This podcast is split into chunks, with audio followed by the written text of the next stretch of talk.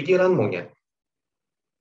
Di sesi sebelumnya kita telah belajar mindfulness dengan menggunakan nafas, dengan menggunakan tubuh, dan dengan menggunakan emosi atau perasaan. Buat Anda yang barusan join, saya lebih menyarankan Anda untuk dapat mengecek dan berlatih dari video yang lebih awal.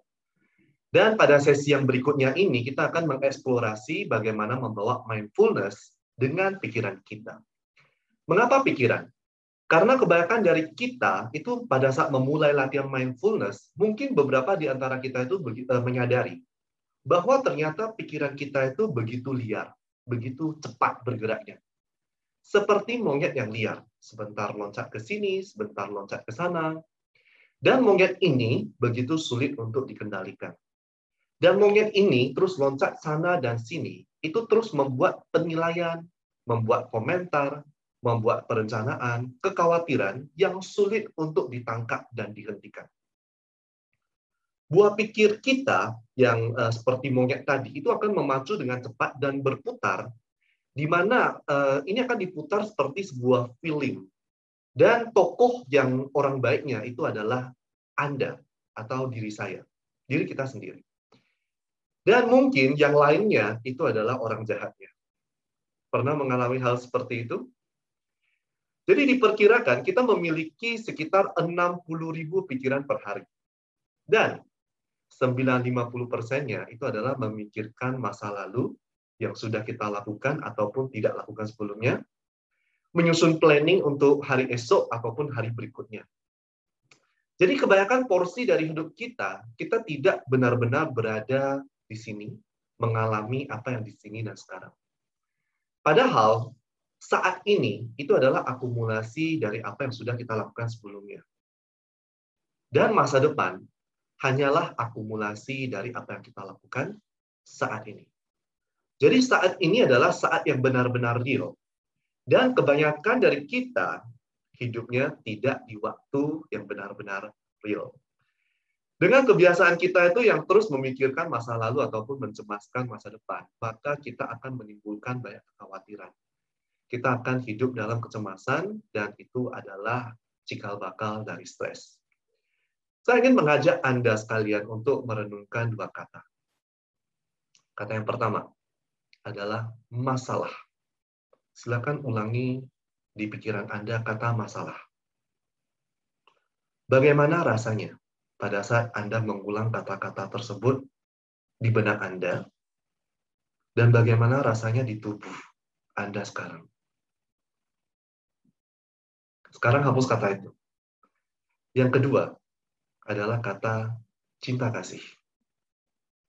Ulangi kata cinta kasih. Dan rasakan apa yang terjadi di tubuh Anda sekarang. Anda lihat perbedaannya?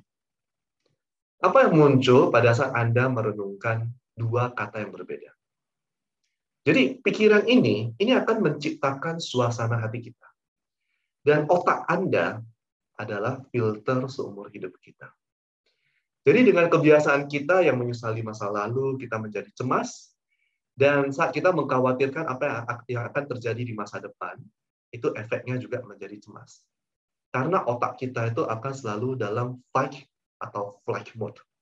DNA otak kita itu akan selalu siap untuk menghadapi masalah itu yang membuat sumber stres di mana tubuh Anda juga menjadi tegang dan nafas Anda menjadi lebih pendek. Dan inilah yang disebut sebagai bias negatif otak. Jadi kita akan cenderung alami memberikan penilaian yang negatif terhadap sebuah peristiwa yang terjadi dalam hidup ini. Ini dapat membiarkan suasana yang tegang dan uh, takut secara berkelanjutan, terutama beberapa keadaan emosional yang sulit Itulah yang kita latih dalam beberapa sesi terakhir ini. Nah, mindfulness memungkinkan kita untuk terbangun dari apa yang digambarkan sebagai penjara pikiran yang memenjarakan kita dari realita ini.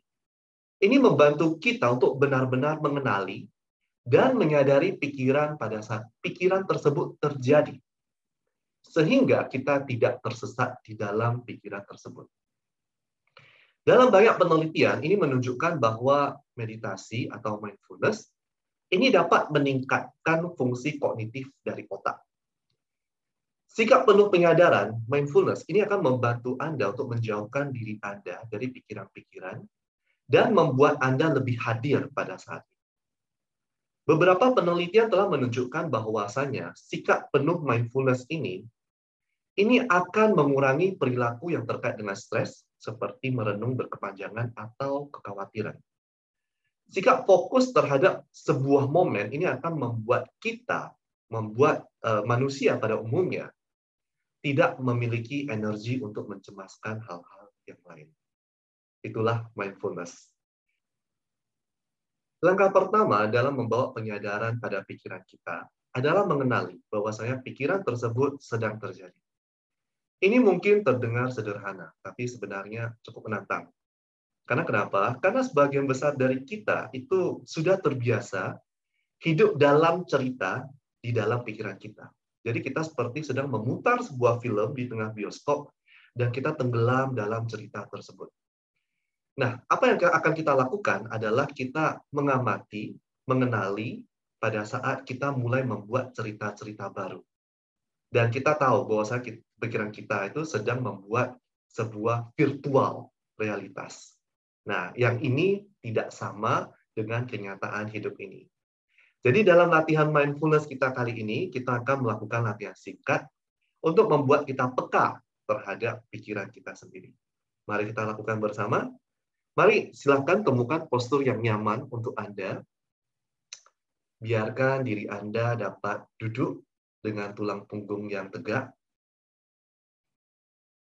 Dan kemudian biarkan tubuh Anda tenang dan pikiran Anda tenang. Anda dapat menutup mata.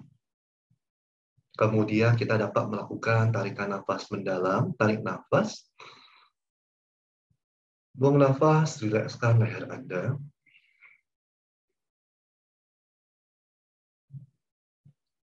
Tarik nafas. Buang nafas, rilekskan bahu Anda. Tarik nafas mendalam. Buang nafas, rilekskan seluruh tubuh Anda. Biarkan diri Anda mengamati nafas Anda di mana terasa paling jelas untuk dirasakan.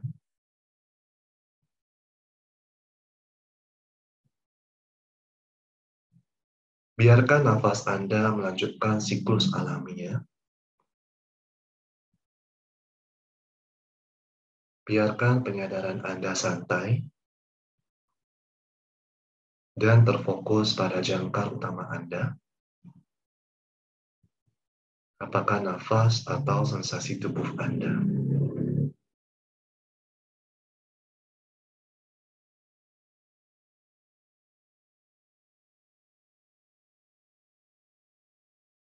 Untuk beberapa menit berikutnya,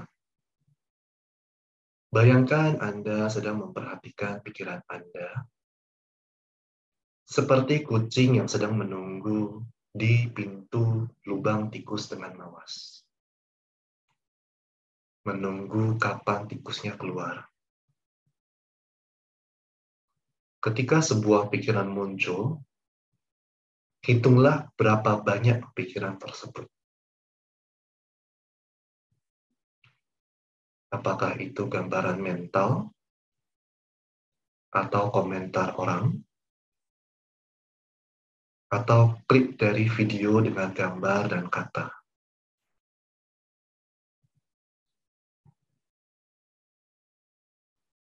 Lanjutkan dengan cara ini. Menunggu di pintu lubang tikus. Menghitung pikiran yang muncul.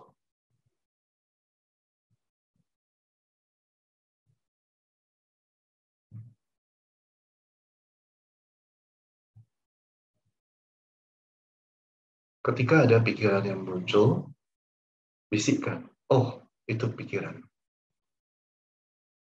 Anda memberikan penyadaran dengan pengamatan, itulah inti dari latihan mindfulness.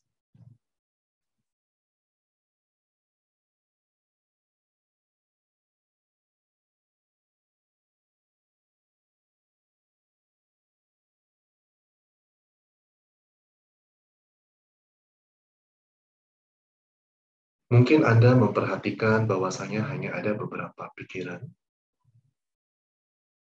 Mungkin ada empat atau lima, atau mungkin banyak pikiran. Anda sekedar mengetahui dan menghitung.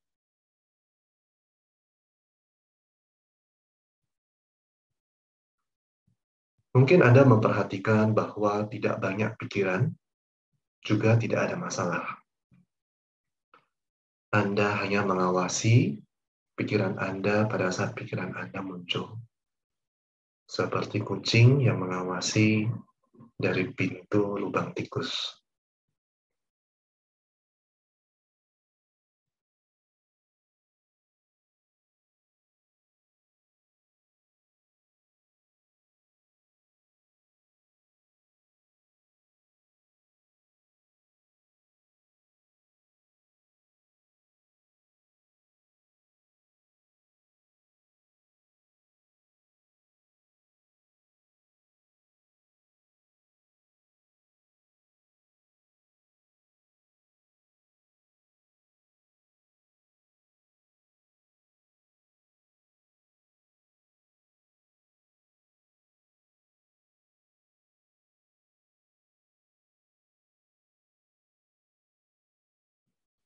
Jika pikiran Anda mengembara, Anda dapat mengembalikan penyadaran Anda pada basis jangkar Anda, bisa di nafas ataupun di sensasi tubuh Anda.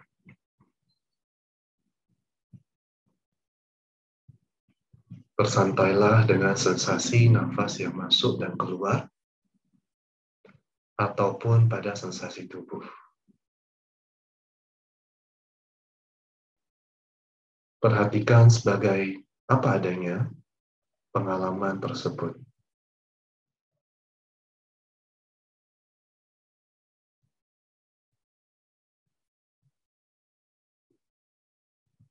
Dan ketika Anda mengamati sebuah pikiran terjadi, akui saja dan lepaskan dengan lembut dan dengan ramah. Kemudian kembalikan penyadaran Anda di jangkar Anda apakah di nafas atau tubuh Anda.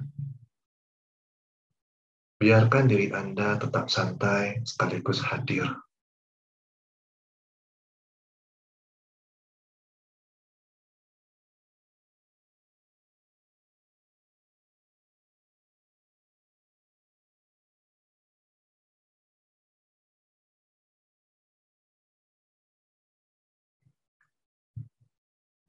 Anda mungkin memperhatikan di mana pikiran Anda saat ini, atau mungkin Anda juga sedang berpikir. Cukup kenali dengan mindfulness dan tanpa penilaian apa pun. Dengan santai bawa kembali hadir di saat ini, bersamaan dengan jangkar Anda, apakah nafas atau tubuh Anda.